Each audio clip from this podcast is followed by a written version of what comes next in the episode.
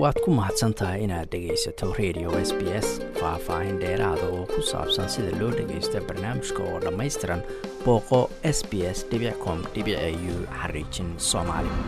Xilli deegaano ka mid a maamul goboleedyada dalka ay si gaabis ah uga bilowdeen doorashada golaha shacabka ee baarlamaanka soomaaliya ayaa dhanka kale waxa isa soo taraysa eedayn xoogan oo loo jeedinayo habka doorashadaasi ay ku bilaabatay kulan ay isugu yimaadeen. Inta badan xubnaha golaha midooda musharaxiinta ayaa waxa uu ka dhacay magaalada muqdisho kaasi oo saluug looga muujiyey hanaanka doorashooyinka dalka iminka ay u socdaan kulankan oo uu shir guddoominayey madaxweynihii hore ee soomaaliya ahna guddoomiyaha midooda musharaxiinta shariif sheekh axmed ayaa waxaa diradda lagu saaray doorashada golaha shacabka ee iminka ka bilaabatay qeybo dalka ka mid ah. Musharaxiinta ayaa sidoo kale shirkooda uga wada hadlay cabashooyinka iyo walaaca laga qabo doorashooyinka socda qaarkood kuwaasi oo laga qalloociyey siday yidhaahdeen hanaankii saxda ahaa ee loogu talagalay.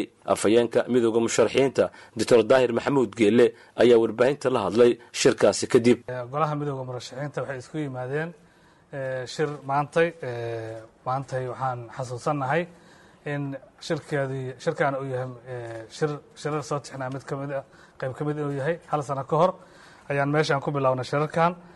Midooda murashaxiinta waxaan rabnaa inaan idinla wadaagno dhowr arrimood. Waxaa uga horreeya hadafka annagu aan u aasaasanay maalinka koobaad weli waa uu taagan yahay. Hadafkaas wuxuu ahaa dalka soomaaliya iyo dadka soomaaliyaba inay helaan doorashooyin xur ah oo xalaal ah oo xilligeeda ku dhaca. Runtii arrimaha noocaasa midooda murashaxiin looma aasaaso laakiin waxay muujinayeen xanuun iyo dhibaato bulshada soomaaliya uu ku soo kordhiyey nidaamka dalka markaasi ka jiray welina isku sii dhejinayo oo ah doorashada ciddii laga rabay inay qabato xillileyda ah afar sanadleyda ah inay u muuqdeen dadaan qaban rabin amba qalloocin rabo. Taasi waxay noo keentay marka inaan u aasaasanno isla markaasna dadka soomaalida oo aan annaga ku matelaynay ay bixiyaan barees qaali ah amba tadxiyaad amba maxaamka sacrifice amba nafurid ay u sameeyaan. Dad soomaaliyeed ayaa waxay u aasan yihiin ay u dhinteen labada arrimood meelmarinta ah in doorashooyin dalka xor iyo xalaal ay ka dhacaan waqtigeedan ay ku dhacaan. Sidoo kale waxa uu sheegay inay is-hortaagistii in muddo kordhin sharci daraha la samaysto. Midooda musharaxiintu ay ku waayeen dad fara badan sida uu yidhi sidaa darteed ay bulshada soomaaliyeed iyo beesha caalamkaba ay la wadaagayaan in waxa iminka socdaahi aan doorasho lagu tilmaami karin.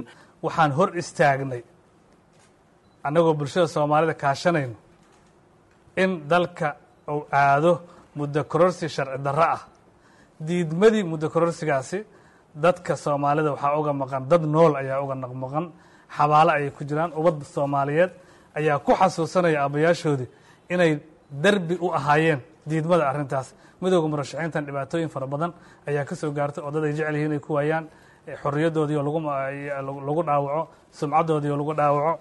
Welina waxaan ku taaganahay jidkaas. Waxaan ku qanacsanna maanta.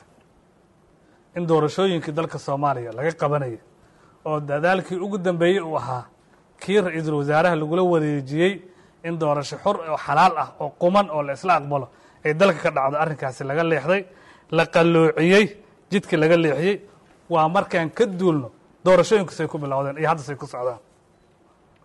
Dareenkaas isaga ah marka.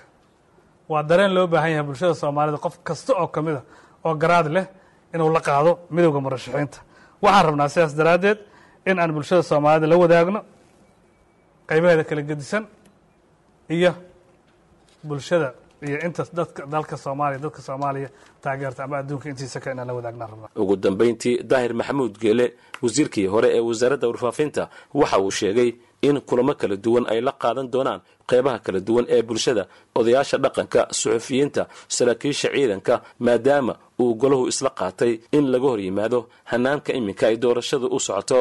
Waxaan si dhammaystiran ugu qanacsanna sida ay hadda wax ku socdaan. Waxa ka dhalan kara kaliya inay tahay burbur baahsan oo dalka soomaaliya ku habsada oo aanan rabin annagoo nool oo wax ka qaban karno inuu dhaco. Doorasho la boobo waan soo aragnay. Taanna waxay noqonaysaa nuqul aan soomaaliya hore aanay u arkin weligeed oo boob ah. Boobkaasina waxa uu keeni karaa sida meelo kaleba uu ka keenay. Annagana hadda ka hor uu noo keenay in dalku burburo oo dadku ay u gudbaan. Hanaan aad iyo aad uga foolxun. Meeshii loo waday labaatankii sane tagtay ee doorashooyin ka soo bilowday shirka carta ka soo bilowday. Sidaas daraaddeed midooda murashaxiinta wuxuu samayn doonaa kulan kulamo joogto ah oo maalmaha soo socdo. Si joogtaha u halkan uga dhaca. Oo aan ku salaynayno uga ka tashiga samata bixinta bulshada soomaaliya. Hanaankan boobka ah ee burburinta looga samata bixinayo. Waxaan la kulmi doonaa qaybaha kala gedisan ee bulshada soomaalida hadday noqon lahayeen civil society-ga hadday noqon lahayn culimada hadday noqon lahayn dhaqanka hadday noqon lahayn dhalinyarada hadday noqon lahayn warbaahinta haddii ay noqon lahayeen ciidamada iyo saraakiisha iyo garaadleyda soomaaliyeed nooc kasta ay yihiin. Inaan kala shirna arrimahaas ayaan rabnaa sidai wax ku socdeen si loo dul qaadan karo ma ahan si ay wax ku soconayaan ma ahan. Musharaxiinta sida weyn u dhaliilay hanaanka doorashada golaha shacabka ee baarlamaanka koob iyo tobanaad. Waxaa ka mid ah guddoomiyihii hore ee golaha shacabka maxamed sheekh cismaan jawaari oo sheegay in laga hor istaagay inuu isagu tartamo. Jawaari oo magaalada beendhabo u tegey tartanka doorashada ayaa sheegay in laga hor istaagay musharaxnimadiisii. Meeshana aanay ka jirin siduu yidhi doorasho daafuran. Guddoomiyihii hore ee golaha shacabka maxamed sheekh cismaan jawaari ayaa sheegay in guddiga doorashada koonfur galbeed ay ka hor istaageen inuu u tartamo. Kursiga sumadiisu tahay boqol iyo saddex ee uu iminka ku fadhiyey islamarkaana uu doonayo in mar kale uu ku tartamo laakiin laga hor istaagay sida uu yidhi anigu shakhsiyan qiyaasta aan qiyaasi waxay tahay meeshaan ma fidsana gogol nin gob ah oo wax ka soo doontay oday. Meeshaan ma taalo. Waa socda magaciisii arrimo oo takrifaal caadi ah oo aan wax daafur ah yacni qawaaniinta noo degsan oo dastuurka soo u dhigaya waxaa weeye in la qabto doorasho hufan xor iyo xalaal ah in la qabto. Ayaa boqorneed taasa laga soo minguuriyey oo shuruucda loo ansixiyey shuruucda loo ansixiyey doorashada dadbana kaasa laga soo minguuriyey in la qabto doorasho xalaal ah hufan loo baahnaa hadda wax meeshaan hufan iyo xalaal ah iskaba dhaafe waxaa weye si oo si maarata oo daaha furan waxaa loo samaynayaa gabood falo caadi ah oo lagu talax xuquuqda oo yani muwaadinka xaqiisa siyaasiga ah oo in la doorto inuu wax doorto waa laga hor yimid xaqiisa siyaasiga ah inuu wax doorto waa laga hor yimid wax meeshaan nidaam dowladeed la yidhaahdo oo yaalla ama xaq oo wax lagu qiimanaya uma jeedo raxmad allaha siiyo soomaaliya allah u raxmado dhammaan soomaaliya. Sidaan lagu socdo waxaan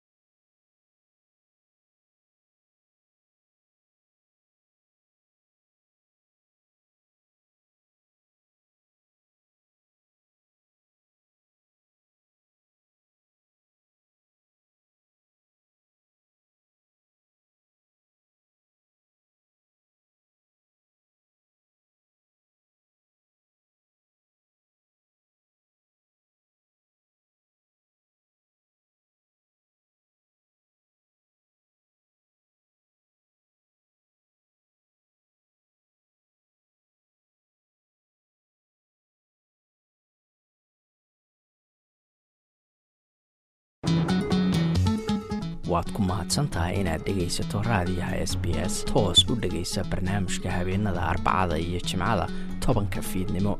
Ama kaga soo cesho website-ka iyaga iyo s b s radio app. Booqo s b s com au xariijin soomaali